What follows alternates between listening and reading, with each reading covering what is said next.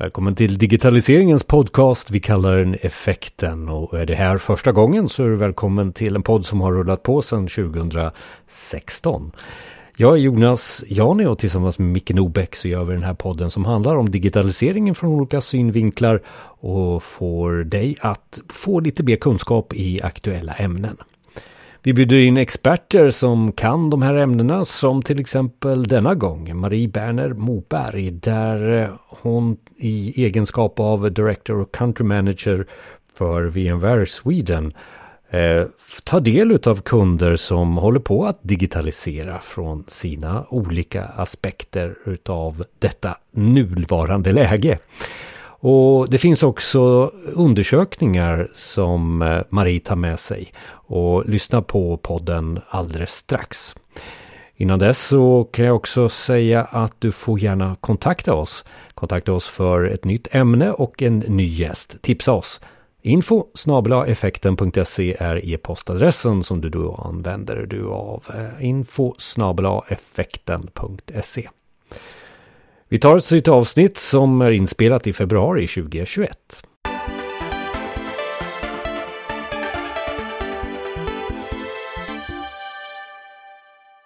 Välkommen till podden Marie.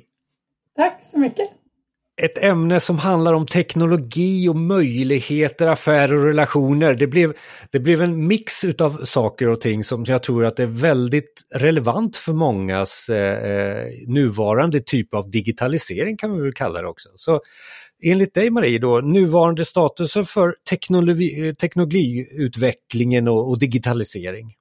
Mm men först så måste jag bara säga att jag älskade ju själva den eh, kopplingen eller sammankopplingen av teknologi, affärer och relationer.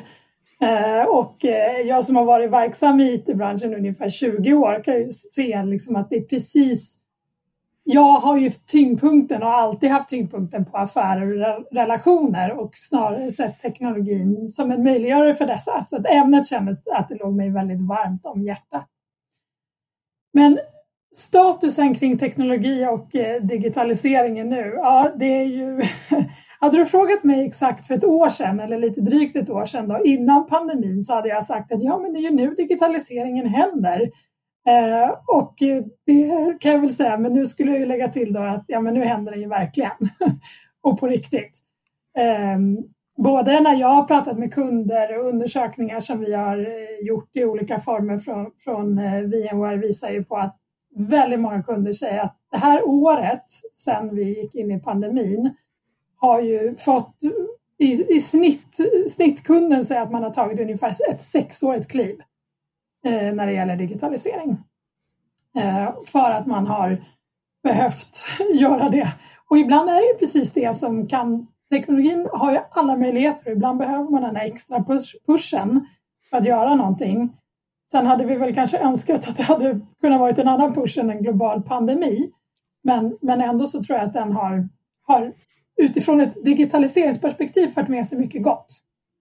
Var det så att du, när du innan det här pandemin, du, hade du en varm känsla av att ja, men hit ska vi, i, i här är vi i teknologiutvecklingen, här är vi i digitaliseringen och hit ska vi, men jag har en ödmjuk Eh, eh, resa med, tillsammans med kunder, det kommer ta några år och så kommer pandemin och sen så minskade eh, utrymmet och, och, fick du reaktionen, oh vad snabbt det här gick. Var, är, det, är det rätt resonerat för mig? Ja, nej, men kanske mer så här att, och framförallt den typen av eh, tjänster som, som vi på VMware erbjuder i form av att verkligen möjliggöra digitalisering, digitala plattformar, eh, hybrida molnplattformar som jag tror att väldigt många innan pandemin tyckte var spännande och kände att ja, det här, det här borde vi göra.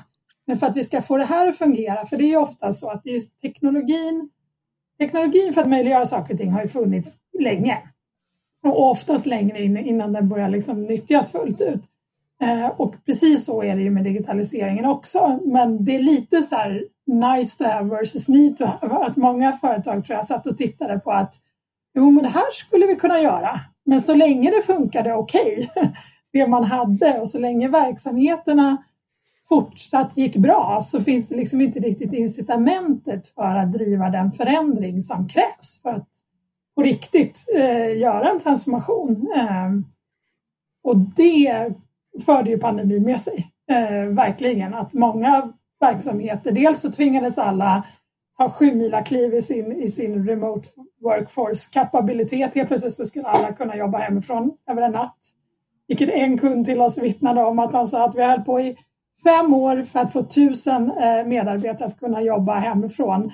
Och sen tog det oss fem veckor att få resterande 50 000 att kunna jobba hemifrån. Eh, och det tycker jag liksom är en bra analogi. Så någonstans där, det, det, var liksom dels utifrån att hur kan våra medarbetare eh, få upp och kunna jobba och vara effektiva. Men också utifrån affärsmodeller ju, som kastades om att, och tvingades eh, ses på andra sätt.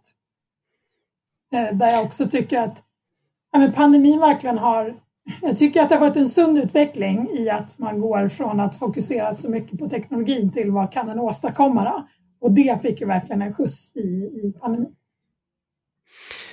Är det något mer du så här observerar runt just statusen som var första delen här? Mm. Nej, men en, en, annan intressant spaning som vi har gjort, vi gjorde ju en eh, undersökning tillsammans med Vanson Born som visade på att eh, man ser ett utökat IT-kunnande eller IT-kunskap i ledningsgrupper och att det har blivit eh, ah, att man kan koppla det faktiskt direkt till ökat resultat och eh, eh också en framgångsfaktor för, för bolag med stor tillväxt.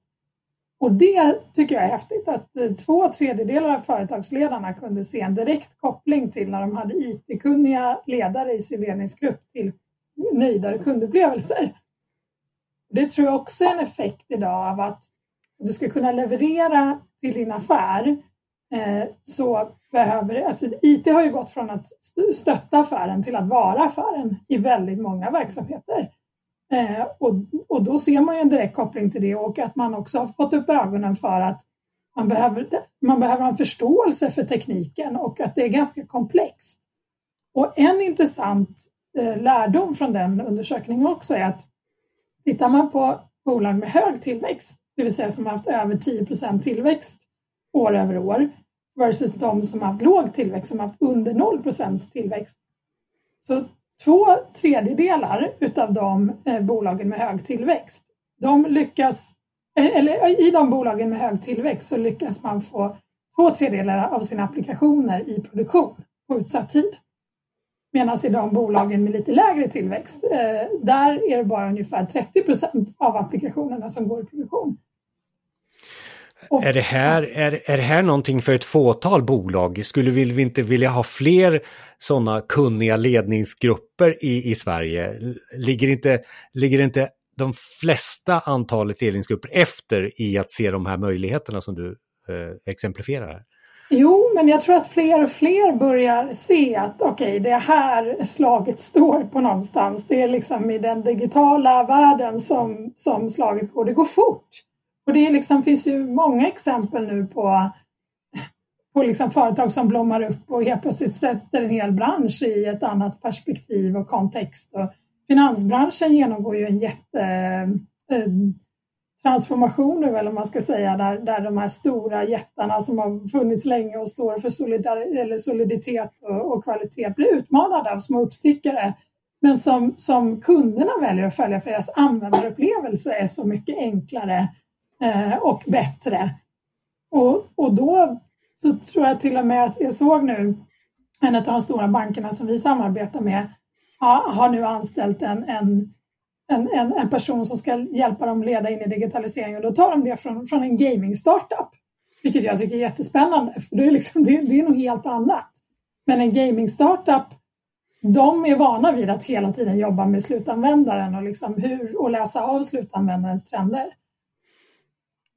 affär. Mm. Eh, intressant. Är, är det någonting mer där i, som vi tar höjd i? Eh, för jag vill återkomma till lite exempel förstås, men är det mm. någonting mer i den här undersökningen som, som vi kan ta höjd för och, och, och prata om? Ja, nej, men en, en, annan, och det var i och för sig en annan undersökning, men också väldigt intressant och som visade just på effekterna av, av covid och när människor har jobbat remote, vilket ju också är en del av eh, av att, att ha, liksom, tvingas lära sig ny teknologi eller nya arbetssätt så kan vi också se att ehm, 81 procent eh, av de svarande, det här var en global undersökning som gick ut till, eh, till, till anställda över hela världen och, och i alla olika branscher.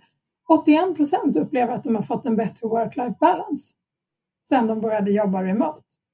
Och, och ännu mer förvånad är att kanske över majoriteten, alltså nästan 60 procent, upplever att de har fått ett bättre samarbete med sina kollegor. Och det var någonting som jag själv reagerade över. Jag tänkte, men gud, är det inte det som verkligen inte har blivit bättre nu när vi inte kan ses? Samtidigt som vi ser att jag tror att samarbetet internationellt har ökat. Man kanske har haft, fått mindre samarbete med dem man normalt sett umgicks med och träffades. Men, men världen har ju krympt. Helt plötsligt så kan du sitta liksom i en workshop med människor från hela världen och det spelar ingen roll. För alla är där på samma och lika villkor. Och det gör att man får känslan av att oj, jag har ju kommit mycket närmare min organisation om man nu sitter i en global organisation. Är det någonting i undersökningen som säger vilken typ av människor är det här? Är det ålder eller är det, finns det någonting sånt? Eller, eller det här blev bara så av det här nu att vi, har, vi jobbar på ett nytt sätt? Ja, men vi jobbar på ett nytt sätt och då, den, när, den, den, stora delen då som 81 procent som upplever att de har fått bättre work-life balance, det tror jag var liksom en, en, en rep representativ del av alla svarande. Eh, däremot kan vi tydligt se i den undersökningen att minoritetsgrupper eh, av alla dess slag upplever att de har fått lättare att komma till tals i den nya miljön. Eh, för att alla är där på samma villkor. Och det kan jag också tycka är häftigt. Ehm, att, att det möjliggör ett, ett, ett förbättrat samarbete på lika villkor. Det är något stort och väldigt varmt för mig i alla fall i, mm. i det. Mm. Men du var inne lite på, och det är det som är lite intressant också för, för ämnet i, i podden här, alltså det här med att skapa nya, nya affärer eller jobba med befintliga affärer och relationer. Mm. Eh, om, om, du, hade, du hade några exempel det, men du har säkert fler, så jag tänkte att jag skulle se om du, du kan mm. locka oss med några så här, det här är ju bra eh, exempel ja. just nu. Mm. Nej, men jag, har, jag har två bra exempel på affärer eh, som jag tycker som är av helt olika karaktär. Den ena är en, faktiskt inte en svensk men en holländsk eh, matvarukedja som har revolutionerat matvarubranschen i Holland och nu börjat ta över hela Europa som heter Picnic. Eh, och de grundades 2015 och eh, hade som ambition att de skulle leverera mat på ett hållbart och billigt och effektivt sätt. Eh, och för att kunna göra det så var de tvungna att hitta liksom en plattform som automatiserar alla sina processer med, med allt från beställning, lager, orderhantering, distribution. Och då byggde de det på en plattform där de och det är ju alltid så, ibland när man får börja om från nytt, liksom, de hade ju ingen legacy eller gammal IT, då kunde de bygga precis som de ville. De byggde det på, på en, en privat molnplattform som också kan skalas ut till publika molntjänster vid behov för det. Eh, och det har gjort att de har kunnat eh, växa och ta extremt mycket marknadsandelar i en, en ganska traditionell och konservativ bransch de stora vinsterna är att de nyttjar datat från allt den här plattformen som de, som de kan få till och på så sätt kan styra sina leveranser så att de eh, gör den mest klimatsmarta rutten men också planera allting. Alla kunder behöver lägga en order senast klockan 10 på kvällen. Då vet de exakt vad som ska levereras dagen efter och då anpassar de sin tillverkning efter det och eh, färskvaror. Så det går ju hur bra som helst för dem. Och det kan jag tycka är så här så häftigt att när de har en ambition av att komma in på en befintlig marknad och med ett hållbarhetsperspektiv minska matsvinn, minska mattransporter och göra det på ett sätt som, som också gör att kunderna upplever att nej men, det här blev ju bättre, eh, en bättre upplevelse även för oss. Det tycker jag är liksom ett jättebra exempel. Och samtidigt jobba med, med resurs eh, och, och, och, tekniken också, skala upp och ner eh, kan jag tänka mm. mig där också. Mm. Eh, många olika aspekter där i den affären, eh, i det mm. exemplet. Eh, något, något, mer här som du, som du tog mm. med dig in till avsnittet? Nej, men och, sen en annan då som är närmare, en mer lokal eh, kund som vi jobbar med på VMware som är Västra Götalandsregionen eh, som hade en utmaning med att, eh, att de, de började märka att läkare och, och sjuksköterskor började säga upp sig för att de tyckte det tog för lång tid av patientmötet att logga in i alla möjliga olika IT-system som de skulle behöva logga in i. Eh, så tillsammans med, med oss så tog man fram en lösning som de kallar för förenklad åtkomst. Att du ska bara behöva logga in på, en, på ett ställe en gång. Och det har sparat dem ungefär i snitt 40 minuter per dag. Och det blir något så här, det är Sveriges största vårdgivarorganisation. Så det blir ofantligt mycket timmar om man sätter ihop det hur de spar. Och det är ju bra, men det som är häftigast är att vårdpersonalen verkligen vittnar om att nu kan de lägga mer tid på sina patienter eh, och på så vis trivs bättre på jobbet och på så vis leverera bättre vård. Och då kan jag, det, det är liksom sånt som jag blir stolt över på riktigt och känna att vi har varit med och bidragit till. Mer tid till patienten, ja. ja. ja. Eh, och, och, där ska man väl också bara, man kan ju mäta tid och pengar och det, det, är, säkert, det är ju oftast vi eh, väldigt duktiga på i, från den kommersiella världen. Men, men, men, men eh, stress kan ju också vara en del, en, en, en del som kan minska där också. Eh, men, men, men relationer, alltså vi sitter hemma och vi sitter på LinkedIn och sådär. Har du upplevt någonting annorlunda där eh, i, i de typer av digitala relationer? Ja, men det kan jag tycka också. Och, och jag, jag har alltid tyckt att det här med relationer är oerhört viktigt och jag brukar prata om relevanta relationer. Det är inte relationen för relationens skull utan du behöver ju komma med ett värde in i en relation. Du behöver visa att du finns där i med och motgång och att, eh, och att, att du liksom håller över tid på något sätt. Um, och det är ju en av grundförutsättningarna, tycker jag, för att också skapa goda affärer. Uh, att du har dem, den, den plattformen etablerad. Vi, vi tittar på, på liksom teknologins möjligheter där och då kommer man ju såklart till sociala mediers plattformar och och tittar jag på mig själv så var jag ju tidigare in på LinkedIn än på Facebook till exempel. Så LinkedIn var nog den första sociala plattformen som jag började använda mig av. Och det har ju liksom, och den plattformen har ju bara vuxit och vuxit och vuxit. Och det är ju ett sätt att kunna hålla liv i de här relationerna som man inte alltid träffar. Men att hela tiden kunna skicka något liten sån påminnelse om varandra på ett sätt och där kan jag känna att sista året under pandemin så tycker jag att det har blivit också en, en sundare humanitet i faktiskt eh, inlägg.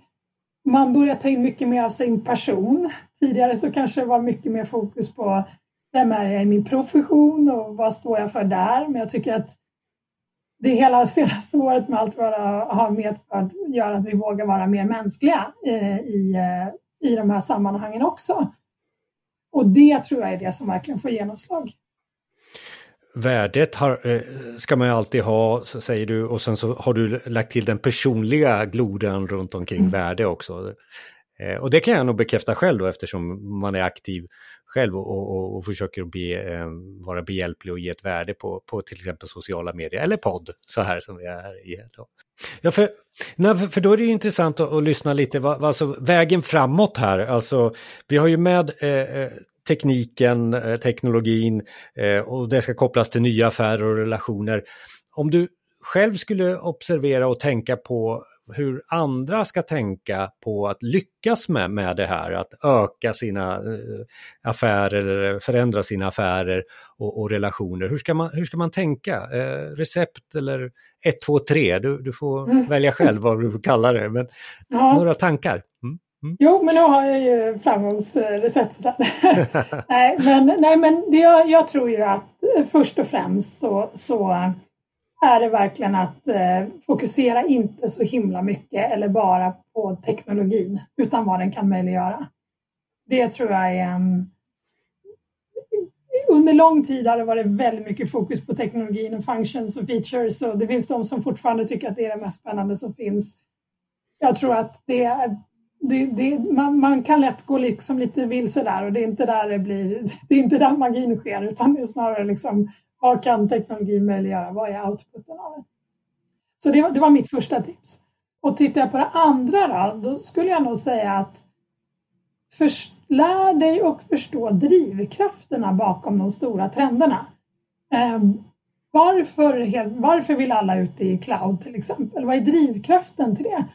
Eh, snarare än att ja, alla vill till cloud. Jo, men det är ju för att man vill ha liksom, ökad flexibilitet, skalbarhet, en, en, en känsla av eh, självbestämmande på något sätt. Men, men är cloud sättet att nå det på, eller public cloud, eller finns det andra sätt? Utan att förstå verkligen drivkrafterna. Varför pratar man så mycket om att modernisera sina applikationer? Eh, vad är det bakom det som är, som är viktigt? Och, och, och där tänker jag också att det är viktigt att förstå det och lära sig det till en viss nivå. Sen tror jag att man kommer otroligt långt med genuin nyfikenhet. Eh, och där tror jag också en del går lite snett, att de tror att man måste kunna allt för att kunna ge sig in i en diskussion om multicloud eller modern applications. Jag tror man behöver kunna en del. Sen behöver man vara genuint nyfiken, då kommer man väldigt långt. Och sen så avslutningsvis så, så tänker jag så här att teknik, tekniken kan aldrig ersätta det mänskliga mötet. Det är affärer görs mellan människor och eh, eh, någonstans så är ju effekten och outputen av teknologin gör ju, om den kan automatiseras och effektiviseras i så stor utsträckning som möjligt, så ger det mer tid till relationen som i sin tur utvecklar affären. Alltså de här mjuka värdena som jag tror är det som verkligen har stor skillnad och impact på oss människor. Det nyfikna mänskliga mötet om vad tekniken kan innebära. Mm.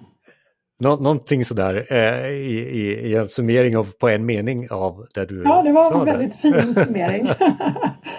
Vad tar vi med oss av eh, avsnittet Marie, tycker du?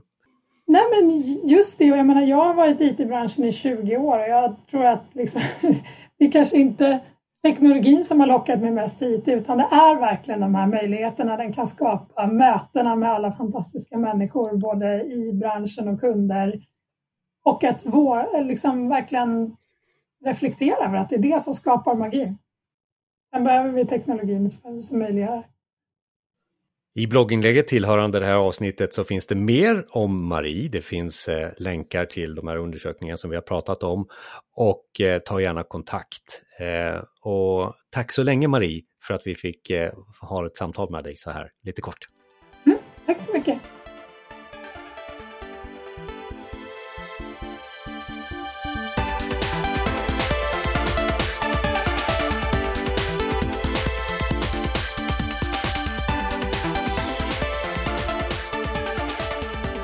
Lite mer i poddspelaren just nu i texten där så har du blogginlägget som eh, refererar till de här undersökningarna som vi pratar om. Och du får också kontaktuppgifter till Marie förstås. Podden Effekten finns på effekten.se och i de flesta podcastkatalogerna, till exempel Spotify. Och just på Spotify så finns det också spellistor där vi har samlat olika ämnen och flera avsnitt i det här ämnet. Du når dem också på effekten.se. Och på effekten.se så finns också effekten radio numera. Det är 24 timmar om dygnet, 7 dagar i veckan där vi pratar om digitalt. Eh, det är de bästa avsnitten från podden och från andra poddar. Så den finns också där på effekten.se radio. Och ett tips, har ni tänkt på det? Våra 20 minuter kan ju alltid förkortas. Du kan ju alltid spela i upp en podd i 1,7 hastigheten och få ner och effektivisera din eh, kunskapsresa in i digitaliseringen. Då kommer det gå snabbare att lyssna av podden. Om du är en sån som nappar på lifehacks. Ja, Jonas Jani, mig kontaktar du på LinkedIn. Där jag är gärna med och är med i ditt nätverk om vi connectar. Och sen så kan du också mejla oss här på podden till info effekten.se. Info effekten.se. Podden görs av Jonas Jani och Micke Nobäck.